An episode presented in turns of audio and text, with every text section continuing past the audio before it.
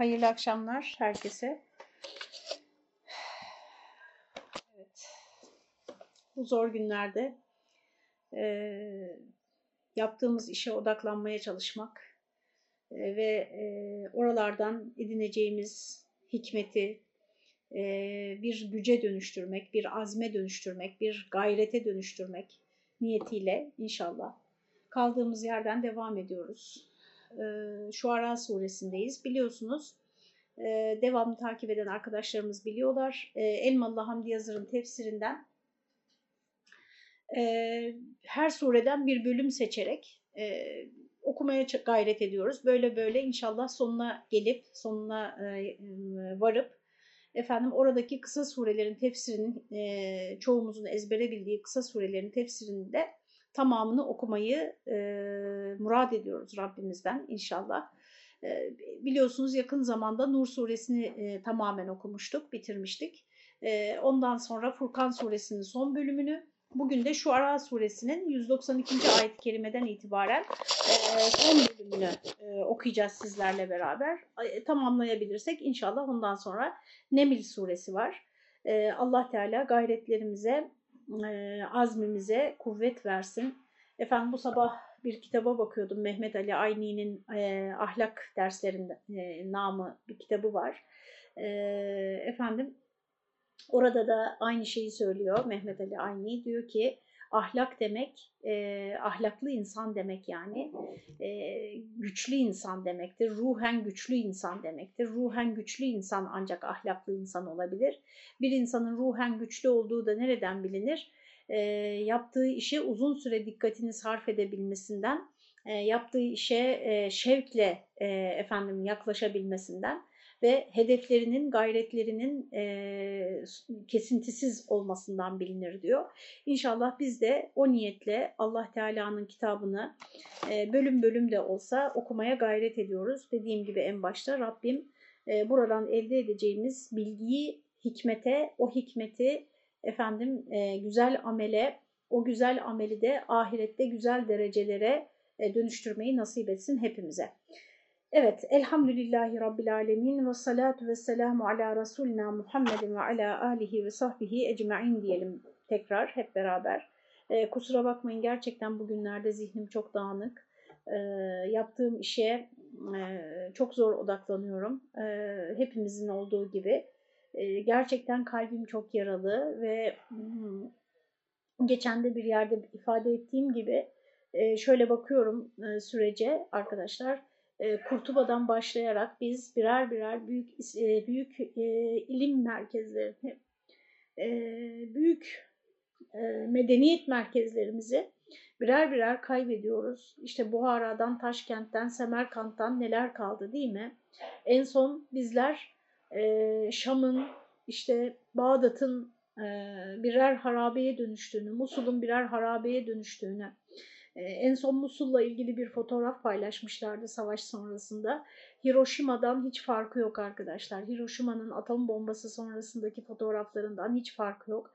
Fakat biz bunların e, hepsinin üstüne çok kolay bir sünger çekiyoruz. Çok kolay e, sanki hep dünya böyleymiş gibi e, ve bu normalmiş gibi yaşamaya devam ediyoruz.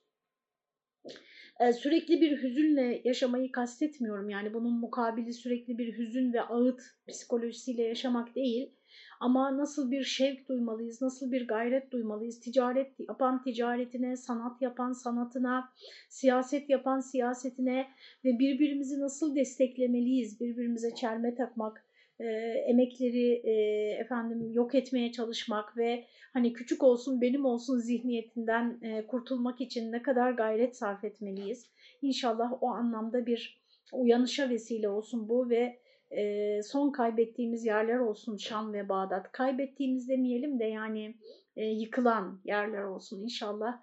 İnşallah Allah Teala bize Mescid-i Aksa'nın da aynı akıbete uğradığını göstermesin ve oranın e, muhafazasında ve oradan nasıl Efendimiz oradan miraca çıktıysa İslam medeniyetinin miracının da Kudüs bilinciyle başlayarak efendim yeniden bir yükselişe geçtiğini bize göstersin. Miraç çok önemli bir dönüm noktasıdır Efendimizin hayatında arkadaşlar. Hicretten önce e, Ali Murat Dergaç Hoca'nın rahmetinin ifade ettiği gibi e, tam o e, bütün ümitlerin yıkıldığı, Efendimizin Taif'ten adeta e, kovularak döndüğü e, ve e, Mekke'ye ancak bir müşrikin himayesinde girebildiği, e, efendim e, ve artık hani bütün e, kapıları çalmış, bütün e, yapabileceği şeyleri neredeyse tüketmiş hani bir insan olarak, bir beşer olarak e, o haleti ruhiyedeyken Allah Teala onu aldı, miraca çıkardı ve bunu Kudüs'ten yaptı. İnşallah ümmeti Muhammed'in de kendisini çok çaresiz, çok yenik, çok kaybetmiş hissettiği bu günlerde belki Kudüs bizim için bir diriliş vesilesi olur, bir miraç vesilesi olur hepimiz için. Efendim o ümitlerle, o dualarla biz başlayalım kitabımızı okumaya. 192. ayet dediğim gibi arkadaşlar kal, e, yani oradan devam edeceğiz. Yeni bir bölüm başlıyor çünkü burada. Biliyorsunuz Kur'an-ı Kerim'de e, özellikle bizim e, Türk usulü mushaflarda arkadaşlar ayın durakları vardır. Ayın durakları bir konunun bittiğini, yeni bir dura, yeni bir e, konunun başladığını ifade eder. Bazen peş peşe bir konunun devamı da olabiliyor bunlar ama çoğunlukla o konunun bölümleri oluyor. E, yani bir bölüm bitiyor, yeni bir bölüm başlıyor. Şimdi biz de e, bu surenin son bölümüne e, başlamış oluyoruz bu ayet-i kerime birlikte. Şöyle diyor Rabbimiz Bismillahirrahmanirrahim ve innehu letenzilu rabbil alemin nezele bihir ruhul emin ala kalbike litekune minel mundirin bilisanin arabiyyin mubin. Kur'an-ı Kerim'den bahsediyor arkadaşlar. Kur'an vahyinden bahsediyor ve innehu letenzilu rabbil alemin. E, efendim e, Diyanet'in mealinden okuyayım size. Muhakkak ki o Kur'an alemlerin Rabbinin indirmesidir. Elmalı Hamdi Yazır ne demiş? Ve hakikat bu Kur'an Rabbül Alemin'in şüphesiz bir tenzilidir. Onun indirmesidir. Ee, tefsir şöyle ve innehu ve hakikaten o zikrolunan ayetleri natık bulunan Kur'an, natık nutuktan geliyor arkadaşlar. Söylemek, ifade etmek demek. Efendim o zikrolunan ayetleri bize e, beyan eden, bize okuyan, bize söyleyen Kur'an letenzilü Rabbil alemin. Şüphesiz Rabbül alemin'in bir tenzilidir. Esasen onun kelamı, onun sıfatı olup hurufu arabiye ile bu elfazı giydirip indirten odur. Yani Kur'an-ı Kerim aslında e, mana olarak en azından kelime biz lisan olarak da yani kelimeler olarak da lafzi olarak da Allah'ın kelamı olduğuna iman ediyoruz ehli sünnet olarak biliyorsunuz. Bunu e, tartışır, tartışır tarihselciler o ayrı bir konu. Bizi e, şu anda e, çok da girmeyelim çünkü hem usulcü değiliz, ehli değiliz hem de efendim yeri değil ama böyle bir tartışma olduğunu bilin. Yani geçmişte de bunu söyleyenler var. İlk defa modernistler, tarihselciler söylememiş fakat çok kıyı cinsinden de olsa Kur'an-ı Kerim'in e, lafzının e, Allah kelamı olmadığını, manasının Allah'tan olduğunu söylemişler. Fakat bu çok e, istisnai bir görüş olarak e, çok muhalefet edilmiş, çok cevaplar verilmiş ona. Efendim bir görüş olarak kalmış. E, Ümmeti Muhammed'in büyük çoğunluğu, ehli sünnetin tamamı arkadaşlar Kur'an-ı Kerim'in hem mana olarak hem lafız olarak Allah tarafından indirildiğini ve bu Kur'an'da okuduğumuz, Kur'an-ı Kerim'de okuduğumuz bu kelimelerin de en azından bakın bunu söylediğimiz zaman bazıları diyorlar ki Allah'ın bir dili mi var, bir lisanı mı var? Arkadaşlar Allah'ın bir lisanı yok muhtemelen. Yani kulların lisanlarından bir lisanı yok en azından. Yani bu lisan, bu konuştuğumuz diller bizim dillerimiz, bizim icat ettiğimiz diller. Ama Allah Teala bu dillerden bu lafızları seçmiş. Ben bu açıdan da bunun Allah kelamı oluşunun çok mucizevi olduğunu ve bu seçilen bu kelimelerin e, hatta bu benim kanaatim arkadaşlar ama hiçbir ilmi delilim yok. Yani kalbimin söylediği bir şeyi sizinle paylaşıyorum. E, Rabbimizin seçtiği bu kelimelerin yani Kur'an-ı Kerim'in lafzının bütün bu varoluş içerisinde yani bütün ecramı düşünün maddi manevi fizik ötesi ve e, görebildiğimiz göremediğimiz bütün alemler içerisinde efendim onun da bir varlığının olduğunu, o kelamın da bir varlığının olduğunu ve bu varlığın devam etmesi için yani nasıl diyelim e, doğadaki zincir vardır ya işte siz e, tarla farelerini öldürürseniz bu giderek işte gezegenlere bile bir etkisi olur. Gezegenlerin düzenine bile bir etkisi olur. Aynen bunun gibi bu kelamın da bu varoluş e, zinciri içerisinde bir yeri olduğunu, bir tesiri olduğunu e, düşünüyorum acizane ve Kur'an'ı okuduğumda e, adeta hani bütün mahlukatın her birinin e, yerli yerinde olmasına cüz'i de olsa yani bir katkımız olduğunu düşünüyorum. Neyse bunu geçelim. Bu benim hissiyatım arkadaşlar. Bakın Elmalı ne diyor? Esasen ve innehu letenzilu rabbil alemin şüphesiz ki o Rabbül Alemin'in bir tenzilidir. Esasen onun kelamı onun sıfatı olup kelam onun sıfatıdır. Bu, bu lafızlar da onun sözleridir hurufu arabiye ile bu elfazı giydirip indirten odur. Yani Allah'ın kelamına e, Arap harfleri elbisesi giydirilmiştir. Onu o seçmiştir ve bu şekilde indirmiştir. Onun tarafından indirilmedir. Rabbül Alemin ismine izafeti, yani burası burada önemli bir e, şeye işaret ediyor Elmalı Hamdi Yazır. Yani bir Rabbimizin burada e, bir izafet terkibi yaparken Kur'an-ı Kerim'i letenzilü rabbil alemin alemlerin Rabbinin indirmesi. Muhakkak ki o ve innehu muhakkak ki o alemlerin Rabbinin indirmesi diye bir isim tamlaması yapıyor. İşte bu şekilde bir tamlama yapılması e, Hak Teala'nın bütün alemine şamil bir terbiyesi ve re'feti ahkamından bulunduğunu anlatmak içindir. Yani e, Rab ismi biliyorsunuz arkadaşlar bir şeyi alıp bir şeyi alıp bütün aşamalardan geçirerek yükseltmek üzere terbiye etmek demektir. Yani Rab terbiye eden demektir. Bu terbiye de nasıl olur? Bir şeyi alırsınız, her bir aşamadan geçirerek onu en yüksek kapasitesine ulaştırırsınız. Efendim işte alemlerin Rabbi olması Allah Teala'nın bütün bu alemleri en yüksek kapasitede varoluşun en yüksek kapasitesinde var eden ve varlığını da bu kapasitede koruyan Rab o alemlerin varlığının devam etmesi için Rabbin ona tecellisinin devamlı olması gerekir.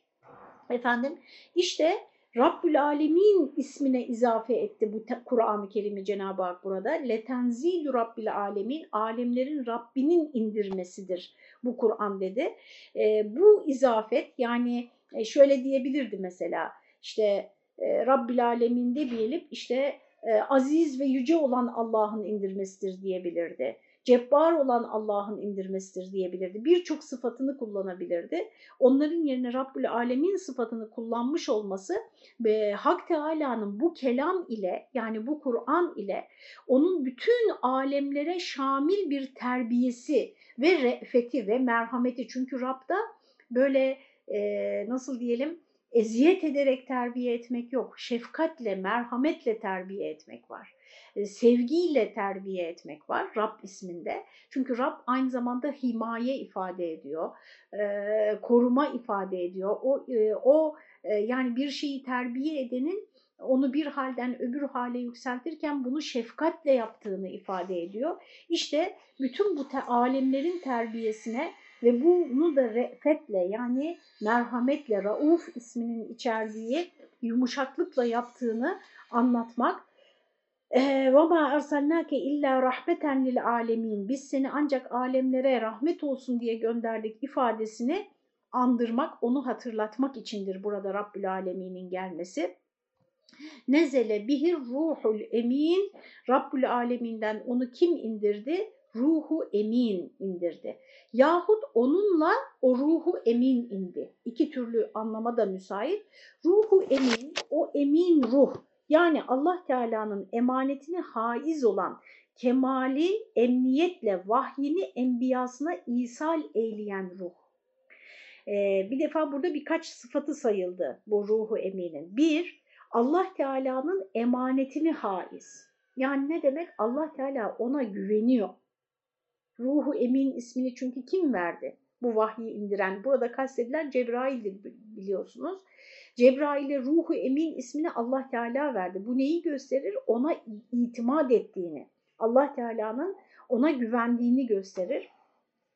Kemali emniyetle vahyini enbiyasına isal eyleyen yani aldığı gibi hiç bozmadan, hiç değiştirmeden, hiç eksiltmeden tam olarak nasıl aldıysa o şekilde peygamberlerine indiren ruh Cibril aleyhisselamdır. Nereye indirdi? Ala kalbike, senin kalbin üzerine. Yani sade üzerine demiyor mesela, aleyke demiyor, sana indirdi demiyor. Ala kalbike, senin kalbin üzerine indirdi. Yani sade üzerine indirmedi, kalbine, vicdan ve şuurun menatı olan, vicdan ve şuurun kaynağı olan mevcudiyetinin künhüne işletti. Yani insanın bilincinin, vicdanının, şahsiyetinin, varoluşunun kaynağı olan kalbine onu indirdi. Tamamen hafızana verdi ve bütün bundaki ahlakı ve marifeti sana meleke kıldı.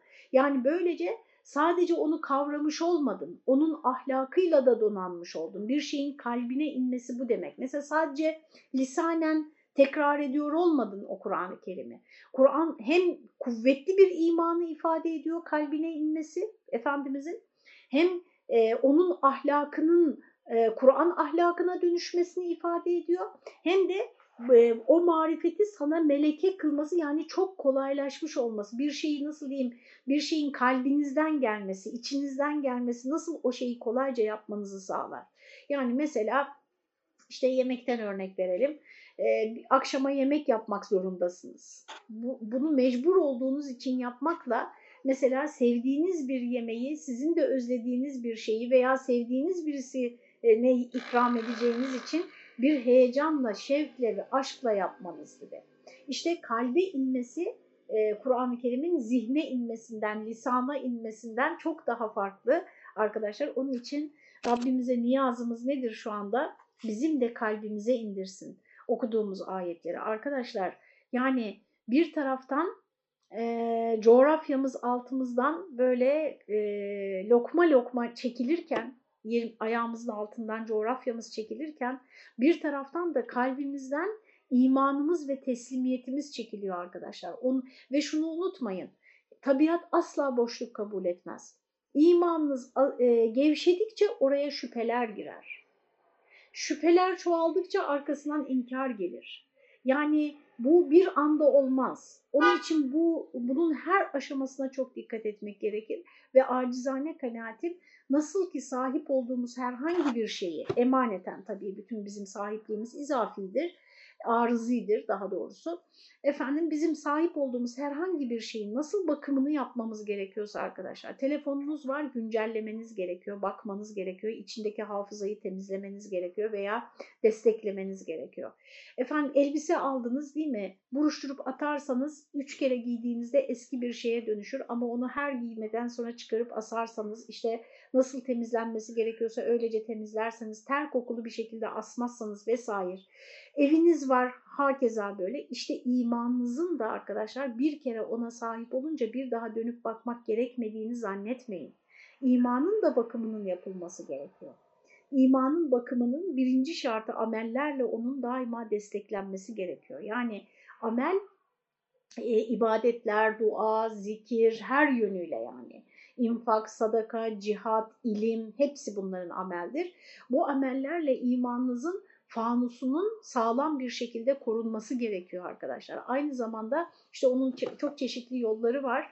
Ee, başka bir vesileyle inşallah yine konuşuruz. Şimdi bu kadar işaret etmiş olalım.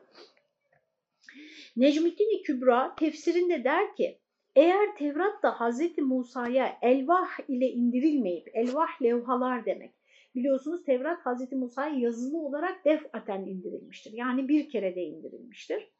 Böyle kalbine indirilmiş olsaydı, yani levhalar halinde bir dışarıda, kendisinin dışında bir kitap olarak değil de, efendim bir metin olarak, kitap demeyelim, bir metin olarak değil de, efendim kalbine indirilmiş olsaydı gazap zamanında onları elinden bırakıvermezdi. Biliyorsunuz e, şeyden Tur Sina'dan geldikten sonra e, Hazreti Musa kavminin buzağıya taptığını görünce Bakara suresinde geçiyor başka yerle Araf suresinde falan da zannedersem geçiyor. Kavminin buzağıya taptığını görünce sinirlendi. Yani bu kadar kısa bir sürede bu kadar mucizeler yaşamış Firavun'un elinden onları kurtarmış. Bu kadar e, uzun mücadelelerden sonra onları özgürlüğüne kavuşturmuş ve e, çok kısa bir süre onlardan ayrılmış. Başlarına da Harun Aleyhisselam'ı bırakmış.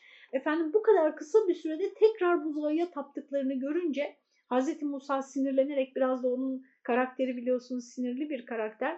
Efendim Tevra, elinde getirdiği Tevrat'ı atıyor ve işte kardeşini kafasından başından yakalıyor veya yakasına yapışıyor diyelim. Hani nedir bu durum diye hesap soruyor. İşte diyor e, Necmettin Kübra e, kendi tefsirinde eğer Tevrat Hazreti Musa'ya levhalar şeklinde indirilmeyip de böyle kalbine indirilmiş olsaydı gazap zamanında onları elinden bırakıvermezdi. Şimdi buradan kendimize ne ibret alacağız arkadaşlar? Kur'an bizim kalbimize işlerse, yani Kur'an'ın ayetleri, onun muhtevası, onun anlattığı hakikatler, bu sadece lafzını ezberlemek değil arkadaşlar. Bütün muhtevasıyla herhangi bir konuyu yaşarken günlük hayatta onun Kur'an'daki karşılığını kelimesi kelimesine olmasa da hemen hatırlayabilirseniz, yani Allah Teala bu konuda Kur'an'da şöyle buyuruyor derseniz yani Kur'an sizin kalbinize inerse böyle panik anlarında efendim dışarıdan bir metne ihtiyaç duymazsınız. Bilirsiniz yani orada ne söylendiğini. İnşallah öyle olalım. Ehli Kur'an olalım arkadaşlar. Ve ilmi ledün öğrenmek için Hızır'ı aramaya gitmezdi. Yani niye? Çünkü kendi içinde, kendi kalbinde olmuş olacaktı zaten. Rabbül Alemin bunu böyle bütün kalbini kavramak üzere ruhu emin ile indirdi ki tamamen emniyet hasıl etsin. لِتَكُونَ minel mundirin sen de o Kur'an'la insanları inzar edenlerden olasın. Şimdi e, inzar neydi arkadaşlar? İnzar korkutma demek. Ama bunu e, öyle e, eksik anlatıyoruz ki arkadaşlar insanlar zannediyor ki yani işte böyle insanları cehennemle korkutarak işte tehdit ederek dinde tutmak falan zannediyorlar e, ve korkutulmak istemiyorlar insanlar biliyorsunuz. Arkadaşlar inzar çok önemli. Bakın korkutmadan farkı inzarın, bildiğimiz bizim Türkçedeki korkutmadan farkı akıbetini anlatarak korkutma demektir. Yani şöyle yaparsan bak sonuçta seni böyle bir sonuç bekliyor. Bunu daha önce de birkaç kez anlattım arkadaşlar.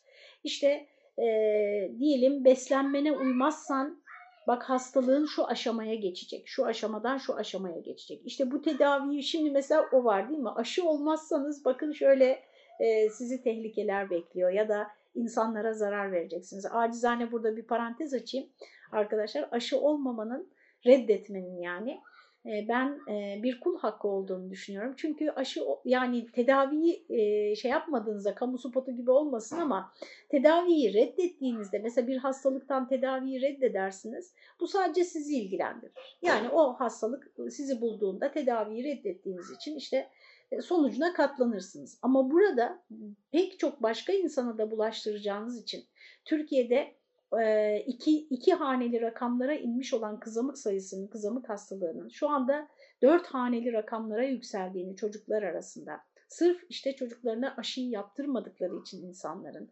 Yani ben e, tabii işin ehli değilim. Siz gene de araştırın, ehline sorun. Ama buradaki e, ahlaki boyutuna işaret edip geçeyim efendim nereden de aklıma geldiyse işte inzardan aklıma geldi. Yani size akıbetinizi hatırlatarak bakın bunu yapmadığınızda şuna sebep olacaksınız diye birisinin size akıbeti göstermesidir inzar.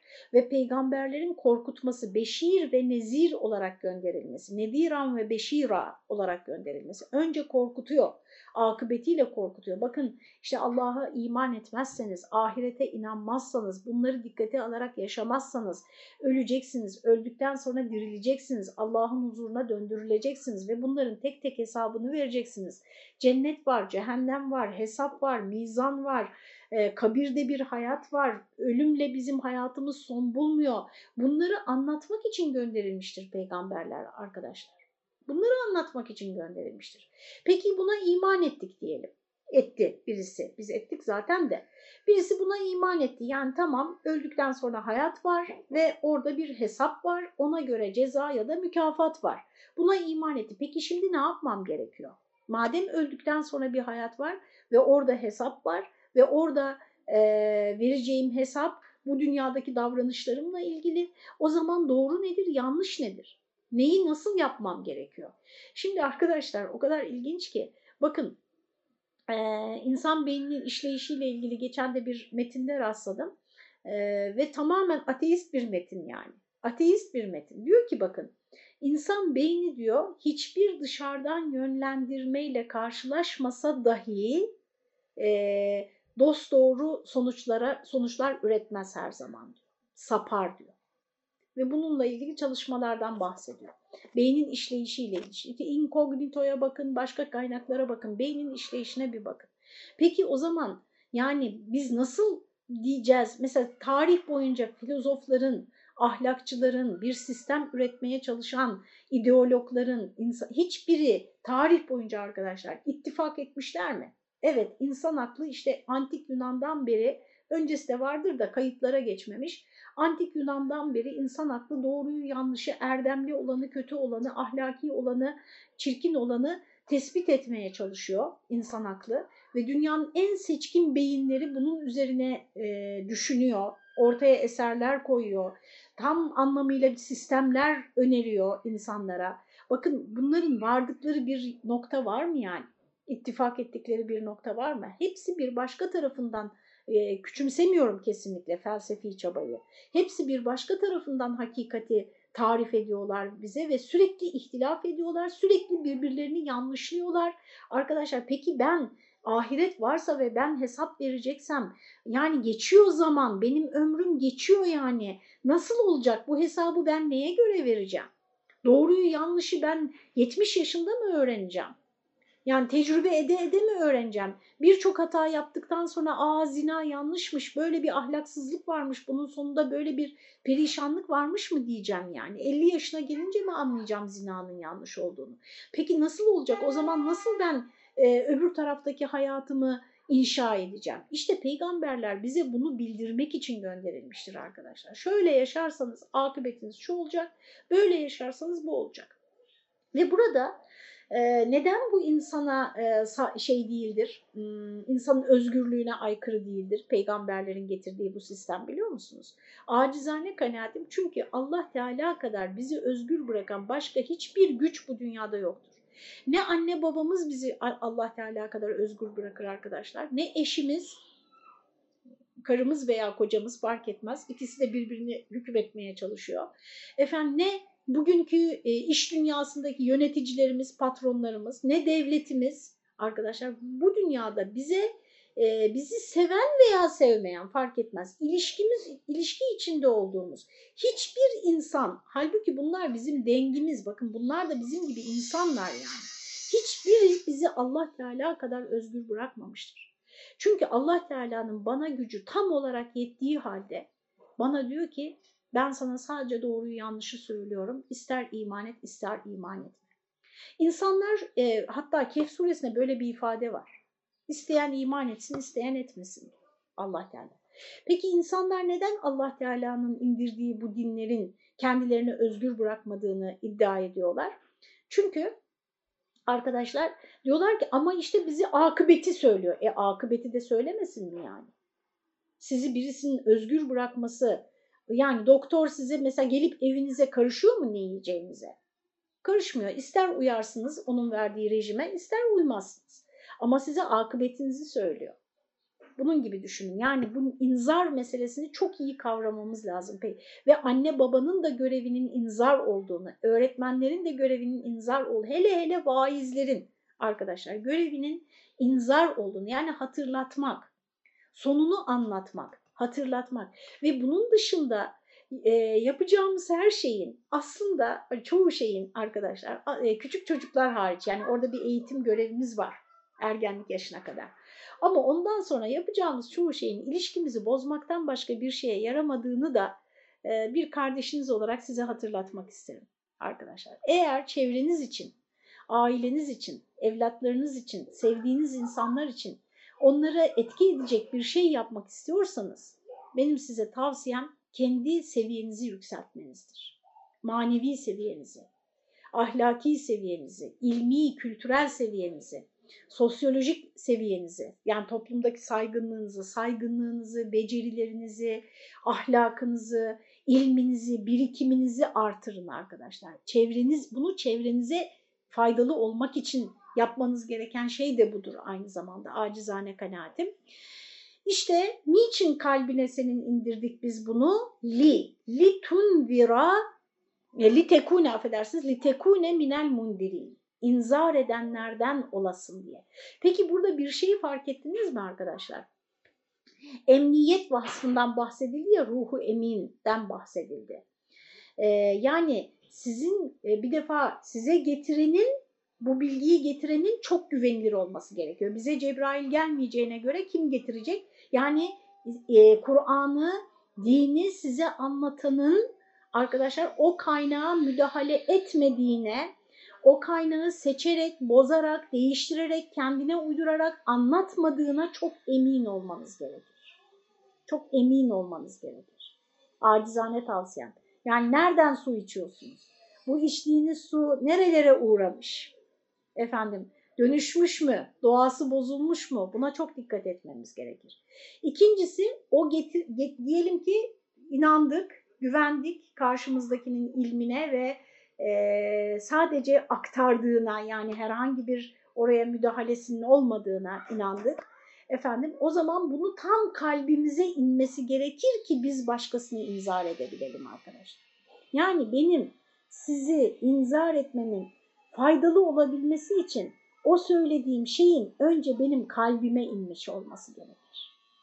Anlaşıldı mı arkadaşlar? Bakın burada ilginç olan sen senin davranışlarına indirdi, sen onunla amel ettin de deniyor. Çünkü biz genelde ne deriz? İşte bir e, sözün tesir etmesi için senin onunla amel etmen lazım deriz. Acizane kanaatim amel etmenin şart olmadığıdır. Bu da veda hutbesinde Efendimizin burada bulunanlar bulunmayanlara sözlerimi iletsin.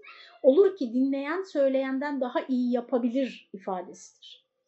Yani sadece e, kendi yapabildiklerimizi anlatacak olsaydık din bize gelene kadar çok eksilirdi. Çünkü ulemanın da eksik olduğu bir sürü husus var değil mi? Burada şart olanın amel değil, kalbinin tam olarak o anlattığın şeye itminanla iman etmiş olması demek. Acizane kanaat. Yani benim şimdi burada size anlatan kişi olarak anlattığım şey benim kalbime tam inmişse, e, eksiğim bile olsa, amelen eksik bile olsam, kalbime tam inmişse o size e, daha büyük bir güçle tesir ediyor bu ifadeye göre. E, Litekune minel mundirin münzirlerden olasın. Yani inzar ile, inzarı anlattım artık, risaletleri meşhur olan Bala'daki peygamberler gibi. Çünkü Şuara suresinde peygamber kıssaları çok yoğun bir şekilde anlatılmıştır. İşte orada anlatılan peygamberlerde olduğu gibi sen de Resul-i Emin, güvenilir peygamber olup inzar edesin. Burada bakın e, Cibril, Cibril aleyhisselamın sıfatı emin olduğu gibi Efendimizin sıfatının da emin oluşunu bize hatırlatıyor merhum Elmalı Hamdi Yazır. Yani arkadaşlar anlatan kişinin güvenilir kişi olması gerekir. Sözüne itimat edilen kişi olması gerekir. Anne baba olması da yetmez, öğretmen olması da yetmez, hoca olması da yetmez, müfessir olması da, profesör olması da diğer ünvanların hiçbiri önemli değildir arkadaşlar. Önemli olan yani hiç önemli değildir derken çok sonra gelir. Bir, bir numaralı ünvan güvenilir olmaktır. Yani sizin e, sözünüze itimat edilir mi? Siz güvenilir bir insan mısınız? E, bunu aktarırken hangi niyetle aktarıyorsunuz? Samimi misiniz? Başka bir çıkarınız var mı? Buradan başka bir şeye ulaşmak istiyor musunuz? E, vesaire. Herhangi bir e, şüphe uyandıracak bir durumun olmaması gerekir ve bilisanin arabiyyin mübin. Yani anlattığını açık ve güzel bir ifadeyle anlatır bir Arabi lisan ile. Bu Kur'an-ı Kerim'i biz Arapça olarak indirdik. Arkadaşlar Kur'an-ı Kerim'in Arapça oluşuyla ilgili saymadım ama herhalde ondan fazla ayet vardır Kur'an-ı Kerim'de. E, bilhassa vurgular Allah Teala. Arapça haddi zatında her manayı iyi anlatabilen bir lisan olmakla beraber diyor Elmalı Hamdi Yazır, Kur'an onu en yüksek bir nekahat ve vuzuh ile parlatmıştır. Yani Kur'an Arapçayı da zirveye taşımıştır. Arapça haddi zatında ifade kabiliyeti çok yüksek bir lisan olmakla beraber Kur'an onu daha da yukarıya taşımıştır. Binaenaleyh yukarıki kıssalarla edilen inzarların manasını anlamamakta Arapların hiçbir özrü yok. Yukarıdaki kıssalar dedi yine işte biz surenin son bölümünü ele aldığımız için bilmiyoruz. Şu Ara suresi baştan buraya kadar kısa kısa kısa kısa bütün peygamber kıssalarına temas etti. Buraya geldi. İşte diyor ki bu e, güvenilir bir elçi tarafından indirilmiştir. Senin kalbine indirilmiştir. Kalbinden konuşuyorsun sen yani bunları anlatırken ve apaçık bir Arapçayla indirilmiştir. Dolayısıyla e, senin e, hemşehrilerinin, müşriklerin, şu, şu Ara suresi Mekki bir suredir. Müşriklerin bunu anlamakta hiçbir özürleri yoktur. Ve innehu 196. ayet kerimeye geldik. Lefi zuburil evvelin bunun yani ilk defa da burada anlatılmıyor. Bununla beraber o şüphesiz evvelkilerin kitaplarında da vardır. Yani evvelki kitaplarda da bu Kur'an'ın zikri geçmiştir. Böyle olduğunu inkar ediyorlarsa 197. ayet evelen evelem yekun lehum ayeten en ya'lemehu ulema'u beni İsrail Beni İsrail ulemasının onu bilmesi bile onu inkar edenlere bir delil değil midir? Şimdi arkadaşlar e, bununla ilgili beni en çok etkileyen e, husus e, bu konuda yani o günkü İsrailoğullarının bilhassa Medine'de yaşayan İsrailoğullarının Kur'an-ı Kerim'in hak kitap olduğunu, peygamberimizin hak peygamber olduğunu bildiklerini nereden anlıyoruz? Bununla ilgili Peygamber Efendimizin hayatından e, çok ciddi birkaç örnek var benim bildiğim. Bunlardan bir tanesi arkadaşlar e, çok etkileyicidir benim açımdan. O, bak o yüzden ümitsiz değilim. E, geçen de bir yerde de söyledim. E, ben e, evelallah Allah Teala'nın onların eliyle bile bu kelamı, bu dini, bu yolu teyit edeceğine inanıyorum. Yani bizim elimizle olmalı bu tabii bizim kulluk görevimiz ama onların eliyle bile aynen e, Firavun'un sarayında büyütülen Hazreti Musa gibi. Firavun'un e, bir kendimce bir şeyim var, bir yorumum var ama onu kendime saklayayım. E, Firavun'un sarayındaki Musa'nın bugün arkadaşlar e, bu İsrailoğullarını destekleyen, İsrailoğullarının hamiliğini yapan mahfillerde e, bulunan samimi Müslümanlar arasından çıkacağını, on, bir kişi değil birçok kişinin onlar arasından çıkacağını düşünüyorum inşallah. Dünyanın sayılı üniversitelerinden, ülkelerinden Musalar çıkacağını düşünüyorum Allah'ın izniyle öyle inanıyorum. Efendim e, şimdi şuraya gelelim. E, Akabe tepelerinde Peygamber Efendimiz biliyorsunuz az önce söyledim ya hani Taif'ten döndüğü zaman ve muhasara altında müşriklerin muhasarası bitmiş, e, hiçbir artık e, iletişim kanalları kalmamış Mekkelilerle. E, onun hamisi olan Ebu Talip ve onun hem maddi hem manevi destekçisi olan Hazreti Hatice vefat etmiş. Peygamber Efendimiz artık bir e, Mekke'de yani bir çıkmaza girmiş sosyolojik anlamda ve kendisine bir çıkış yolu arıyor. Bir başka e, yer arıyor. Bunun için Taif'e gitmiş, oradan da kovularak dönmüş biliyorsunuz detaylarını. İşte tam bu günlerde arkadaşlar bir de onun bir adeti var. E, Mekke'ye dışarıdan gelen kabilelerin bilhassa haç ve diğer panayır zamanlarında e, çadırlarını tek tek dolaşarak onları da İslam'a davet ediyor. İşte bu günlerden birinde bir hac mevsiminde Akabe tepelerinde e, 6 tane Medineli ile karşılaşıyor arkadaşlar. Ve onlara e, tebliğ ediyor Peygamber Efendimiz. Onlar kendisinden bir e, süre istiyorlar. Bize bir müsaade et, istişare edelim diyorlar. Ve e, istişare ederken diyorlar ki kendi aralarında bu e, kişi Yahudilerin bize sürekli söylediği beklenen son peygamber olmalı. Aman onlar iman etmeden biz iman edelim diyorlar. Ve bütün Medine halkı arkadaşlar çok hızlı bir şekilde Peygamber Efendimiz'e iman ediyorlar. Tabii münafıklar var. Onlar epey bir süre devam ettiriyorlar çabalarını ama yani Mekke ile kıyaslanamayacak kadar kolay ve hızlı bir şekilde Medineliler Müslüman oluyorlar.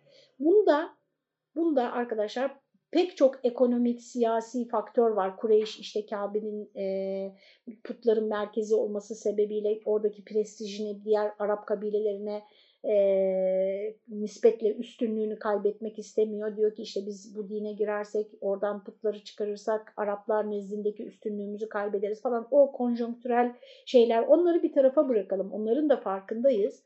Ama bir kenara koyalım. En önemli sebeplerden birisi olarak Medinelilerin bu kadar hızlı Müslüman olmasında arkadaşlar beraber yaşadıkları Yahudilerin asırlar boyunca yani onların 100 yıl devam eden aralarında bir savaş sadece 100 yıl devam etmiş. Efendim böyle bitmez tükenmez harpler olmuş aralarında. Bu savaşlar, bu çatışmalar sırasında sürekli onlara söyledikleri bir sözmüş. Yeni bir peygamber gelecek, biz ona iman edeceğiz ve sizi buradan sürüp çıkaracağız diye. Ve Peygamber Efendimizin alametlerini, onu e, hak peygamber olduğunu, arkadaşlar e, ehli kitap sadece Yahudiler değil Hristiyanlar da bunu da Selman-ı Farisi'nin hikayesinden biliyoruz. Gayet iyi biliyorlardı. E, daha detaylı okumak istiyorsanız e, şeyle Ebu Sufyan'la Heraklius arasında geçen konuşmayı Google'a böyle yazın çıkıyor arkadaşlar. Şam'da Ebu Sufyan'la Heraklius arasında geçen Peygamber Efendimiz'in mektubu Heraklius'a ulaşınca yaptıkları bir konuşma var. Onu, onu okuyun, o rivayeti okuyun, göreceksiniz. Ee, ve e, ehli kitap Peygamber Efendimiz'in bütün vasıflarını biliyorlar. O kadar ki onu oğullarını tanıdıktan da, tanımalarından daha iyi tanıyorlar oğullarını tanımalarından daha iyi tanıyorlar. Peki niçin iman etmiyorlar? Bakara ve Ali İmran suresi bu iki sure ehli kitabı çok detaylı bir şekilde bize anlatır arkadaşlar. Biri zaten e, adı e, surelerin isimleri bile bunu gösterir. Arkadaşlar oraları o iki sureyi tekrar bu bakış açısıyla okuyabilirsiniz uzundurlar ama e, öğreticidir. Bugünlerde de tam okumamız gerekir onların o karakteristik özelliklerini görmek için. Niçin iman etmiyorlar arkadaşlar? Kıskançlıktan dolayı. Çok basit bir sebep. İnsan davranışları zaten genelde çok basit sebeplere dayanır. Çok, en temelde yani. En temelde. Onun ona biz çeşitli kılıflar giydiririz. Dışarıya o sebebi e, dışarıya ızhar edeceğimiz zaman çok böyle kompleks e, açıklamalar yaparız. Ama en temelde bizim bütün davranışlarımızın sağ iki yani en dipte şuur altımızda çok basit temel e, faktörler vardır. İşte bunlardan biri olan e, kıskançlık nedeniyle yani kendilerinden olmasını bekliyorlar son peygamberin. Ve kendilerinin kurduğu o düzeni e, bozmasını istemiyorlar. Yanlışlarını ortaya çıkarmasını istemiyorlar. Mesela evelem yekun lehum e, ayeten en ya'lemehu ulema'u beni İsrail. Beni İsrail alimlerinin onu biliyor olması yani o peygamberi biliyor olması onlar için yeterince bir ayet olmaz mı? Yeterince bir mucize olmaz mı diyor. Mekke'deyken biz peygamberimizin hicretinden önce Mekkeli müşriklerin peygamberimizin sormak için Medine'ye adam gönderdiklerini, orada Yahudilere efendim bizim aramızdan böyle biri çıktı, onun peygamber olup olmadığını nasıl anlayabiliriz, yalan mı söylüyor, doğru mu söylüyor, bu işi siz biliyorsunuz dediklerini ve onların üç soru onlara öğrettiğini, bu üç soruyu gidin ona sorun, şu ikisine cevap verirse eğer peygamber değildir, e, çünkü hiçbir peygamber bu iki soruya cevap vermemiştir. Neydi onlar? Ruh nedir, kıyamet ne zaman kopacak? Bakın e, şaklabanlar bu iki soruya cevap verir arkadaşlar. Ruh nedir? Kıyamet ne zaman kopacak? Bu iki soruya hiçbir peygamber cevap vermemiştir. Biz bilemeyiz. Bu sorunun cevabı budur. İnsanoğlu ruh nedir tam olarak bilemeyecek. İnsanoğlu kıyametin ne zaman kopacağını bilemeyecek. Arkadaşlar dolayısıyla gelip peygamberimize bu soruları sormuşlar. Üçüncüsü de Zülkarneyn kimdir sorusu. Biliyorsunuz hatta peygamber efendimizin zor durumda kaldığı bir şey bu. Neden? Çünkü yarın ben size cevap veririm diyor Cebrail her gün geldiği için. Cenab-ı Hak 15 gün Cebrail'i göndermiyor. Yani bu vahiy senin elinde değil. Sen istediğin zaman gelmez Cebrail. Biz gönderdiğimiz zaman gelir diyor. Ve İsra Kehf suresinde değil mi? Ee, inşallah demeden hiçbir e, yarın şunu yapacağım asla deme diye Peygamber Efendimiz'i ikaz ettikten sonra bu soruların cevaplarını veriyor. Yani Mekkelilere şunu diyor burada adeta. Siz o İsrailoğulları alimlerinin, Medine'deki o alimlerin peygamberleri tanıdığını ve Hz. Muhammed'i de işte alametlerinden tanıdığını bilmiyor musunuz? Bilmiyor musunuz? Beni İsrail ulemasının onu bilmesi bile onu inkar edenlere bir delil değil midir? Biliyorsunuz işte Abdullah bin Selam'dan da bu meyanda bir rivayet var. Beni İsrail ulemasından bir kısmı Tevrat ve İncil'de aleyhissalatü vesselamın sıfat ve naatının zikrolunduğunu söylüyorlardı. Övgülü, öv, övgüyle bahsediliyor kitab-ı mukaddeste peygamberimizden. Kureyş'te gidip onlardan bu haberi öğreniyorlardı. Velev nezzelnahu ala ba'dil a'cemin eğer biz o Kur'an'ı onu Arapça bilmeyen birine indirseydik Arapça konuşmayan birine, acemi olan birine indirseydik, böyle bir mucize yapsaydık. Yani düşünün ki Arapça bilmeyen biri birdenbire kendisine nazil olan Arapça bir kitabı okumaya başlıyor Böyle bir mucize yapsaydık da فَقَرَأَهُ aleyhim O onlara onu okusaydı. Bu surette okunan Kur'an haddi zatında bir mucize olduğu gibi, Kur'an bir mu mucize olduğu gibi okuyuş da başka bir mucize olurdu. Yani Arap olmayan, Arapça konuşmayan, Arapçayı hiç bilmeyen biri birdenbire böyle zirvede bir e, Arapça metin söylüyor e, efendim e, bana inzal oldu diyor. Bu nasıl bir mucize olurdu? Ama onlar buna iman ederler miydi? 199. ayet makanu bihi mu'minin yine inanmazlardı. Arkadaşlar bu iman problemi bizim günümüzün de biliyorsunuz ciddiyetle problemi olmaya başladı. Hep olmuştu tarih boyunca. Çünkü e, Yusuf suresinin sonunda Allah Teala söylüyor arkadaşlar. İnsanların çoğu iman etmeyecek. İman edenlerin çoğu da şirk koşmadan iman etmeyecek. Yani büyük çoğunluğun iman etmeyeceğini, iman edenlerin de büyük çoğunluğunun şirk koşmadan iman etmeyeceğini söylüyor Allah Teala. Yani iman e, problemi yeni bir problem değil hep var yeryüzünde. Ama şimdi biraz böyle evlerimizin içine doğru, daha yakınlarımıza doğru sirayet etmeye başladı. E, efendim, e, şimdi bu sırf burada anlatılan meseleden bile Kur'an-ı Kerim baştan sona iman konusunu anlatır aslında da sırf burada e, söylediğimiz şu küçük ifadelerden, bu birkaç ayetten bile neyi anlıyoruz arkadaşlar? İnanmak istemeyen insana mucize de indirseniz, bütün o güvendiği alimler, yabancılar, e, efendim Müslüman olmamış olanlar bak bu peygamberdir, bu vasıfları taşıyan insan peygamberdir, bu kitap bir insan sözü olamaz, bak burada şu kadar mucizeler var dese bile efendim makanu bihi müminin inanmak istemeyen iman etmeyecek arkadaşlar. Ve ne derlerdi? Eğer biz böyle yapsaydık yani hiç Arapça bilmeyen birine indirseydik o da birdenbire böyle Arapça bir kitap okumaya başlasaydı derlerdi ki acemi değil pekala Arapça biliyormuş derlerdi. Bir şey bulurlardı, bir bahane bulurlardı diyor.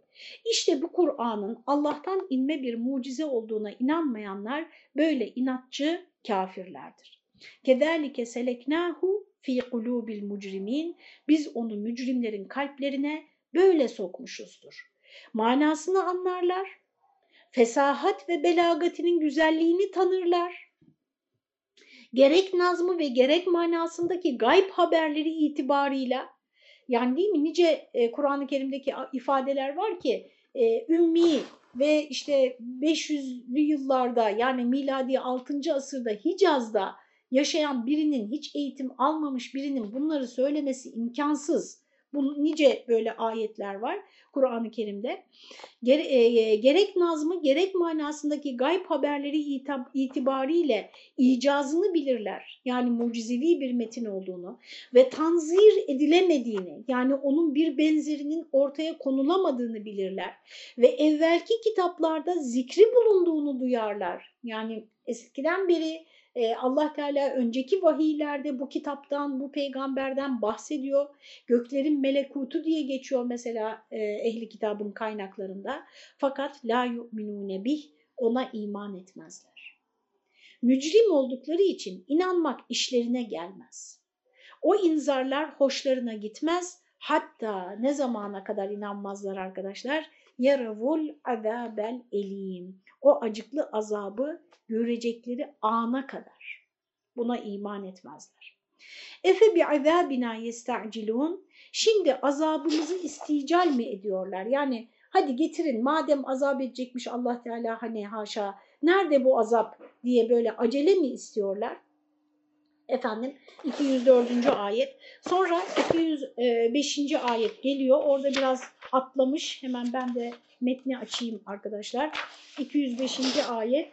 Eferaeyte immette'inahum sinin. Ne der e, arkasından da thümme câehum mâ kânû bihi yu'alûn. Ne dersin? Eğer biz onları yıllarca yaşatıp nimetlerden faydalandırsak sonra tehdit edilmekte oldukları azap başlarına gelse ma agna anhum ma kanu faydalandırıldıkları o nimetler onlara hiçbir fayda sağlamayacak min qaryetin illa leha mundirun zikra ve ma kunna zalimin ve ma tenezzelet bihi şeyatin biz hiçbir memleketi öğüt vermek üzere gönderdiğimiz uyarıcıları peygamberleri olmadan yok etmemişizdir. Biz zalim değiliz diyor. ma tenezzelet bihi şeyatin ve o Kur'an'ı şeytanlar da indirmedi diyor.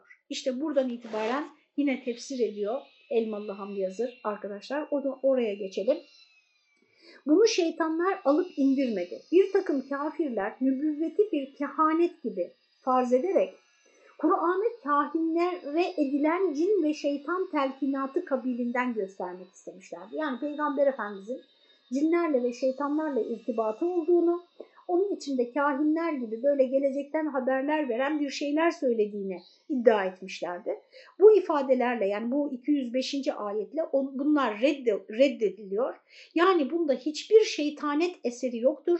Rabbul Aleminden onu o emin ruh indirdi. İlk bölümün başını hatırlayın. Şeytanlar değil.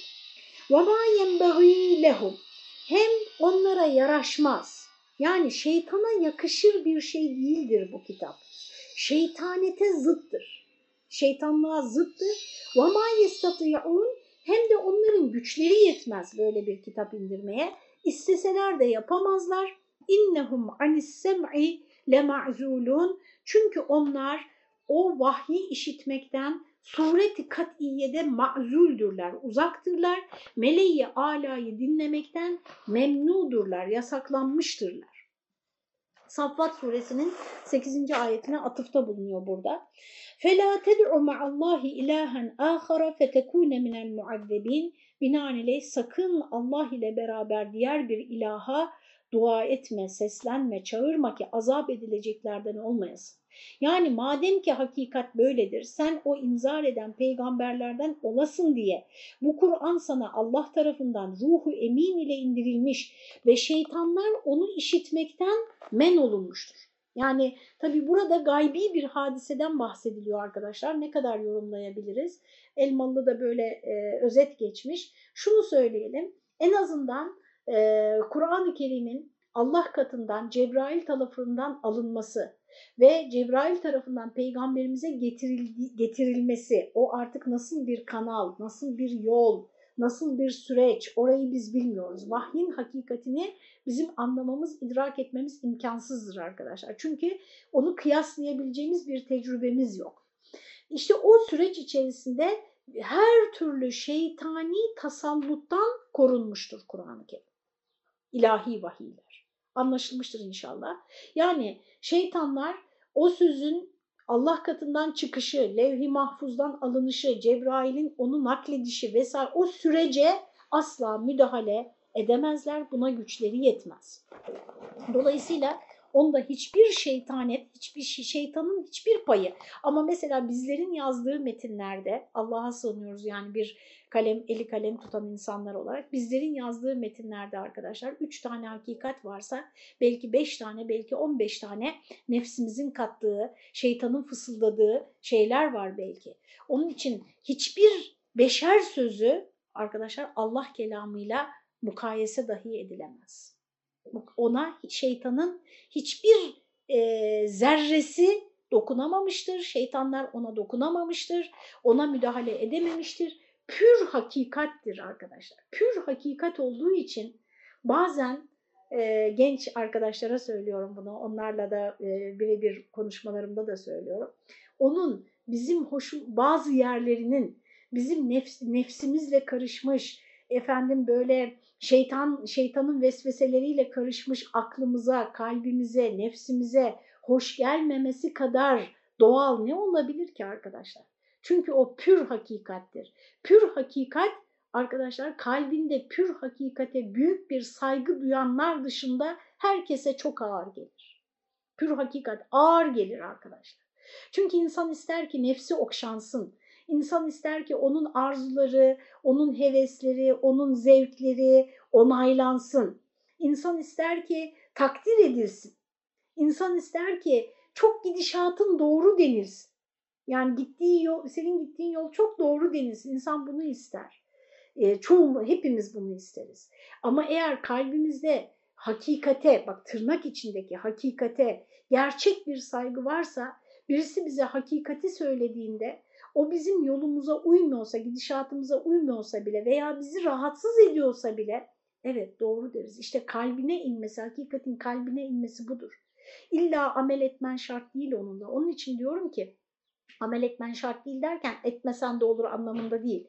Yani hakikati tasdik etmek için arkadaşlar ya tamam da ben bunu şimdi nasıl yapacağım? Orayı öncelikle düşünmeyin. Önce bir hakikati tasdik edin. Yani önce mesela önce sağlıklı beslenmemiz gerekiyor ve yanlış besleniyoruz. Bu kadar tüketim yanlış bir şey. Çılgınca mahvediyoruz. Kendimizi ve doğayı mahvediyoruz. Bunu bir önce kabul edelim. Ya tamam da ben şimdi nasıl yapacağım ki? Falan. O zaman en iyisi mi reddedeyim? Bu çok egosantrik bir şey. Sen misin hakikatin ölçüsü yani? Vahiy de böyle işte arkadaşlar. Önce bir vahiy kabul edin. Allah'tan gelen bilgiyi kabul edelim. Allah Teala'nın bizi öteler hakkında ikaz etmesini, bizi inzar etmesini öncelikle bir peşinen kabul edelim. El hak doğru. Yaratıcının buna hakkı var mı? Var. Yapabilir mi? Yapabilir. Yapmış mıdır? Yapmıştır. Tamam şimdi ben bu hakikat karşısında hangi durumdayım? Özür dileme durumundayım. Yanlış yapıyorum çünkü bazı şeyleri. İşte bu burayı da kendilerine e, yediremiyorlar bazı kardeşlerimiz, bazı insanlar, arkadaşlar.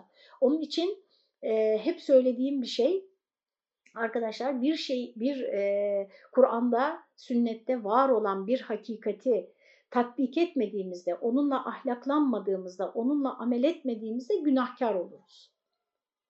Onu gereksiz gördüğümüzde dinden çıkarız arkadaşlar.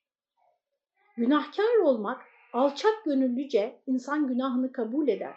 Yani günah dediğimiz nedir? Allah e, Allah'ın söylediğine aykırı hareket etmektir. Aykırı hareket ettiğimizi kabul ederiz ve Allah'tan yardım isteriz. Yani günahımızı savunmayız. Kendimizi haklı gö yani bir tarafta benim aklım gerçekten almıyor arkadaşlar. Bir tarafta Allah'ın sözü var. Kur'an var. Peygamber var. Bir tarafta benim yaşantım var ben kendi yaşantımı esas kabul edeceğim. Kendi duygularımı esas kabul edeceğim. Kendi sezgilerimi esas kabul edeceğim. Hazlarımı esas kabul edeceğim. Ve Allah'ın kitabını, Resulünün yolunu gereksiz, lüzumsuz ya da işte yanlış falan göstermeye çalışacağım. Bu nasıl bir kendini ilahlaştırmaktır arkadaşlar? Bu nasıl bir kendini hakikatin ölçüsü haline getirmektir? Mümin demek arkadaşlar alçak gönüllüce Allah karşısında, Allah'ın kelamı karşısındaki eksikliklerini, acizliklerini kabul eden kişi demektir. O halde sen Allah'tan başkasına ne dua et ne de davet et. Peygambere bu hitabın böyle şirkten nehi suretinde irat buyurulması yani فَلَا تَدْعُ مَعَ اللّٰهِ ilahen ahara.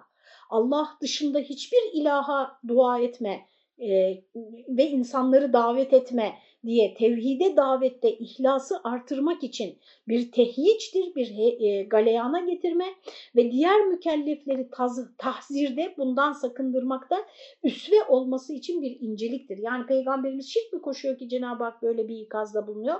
Haşa öyle olmadığını biliyoruz ama Cenab-ı Hak peygamberini dahi peygamberini dahi Allah'tan başka bir ilaha dua etme, davet etme insanları diye ikaz ediyor.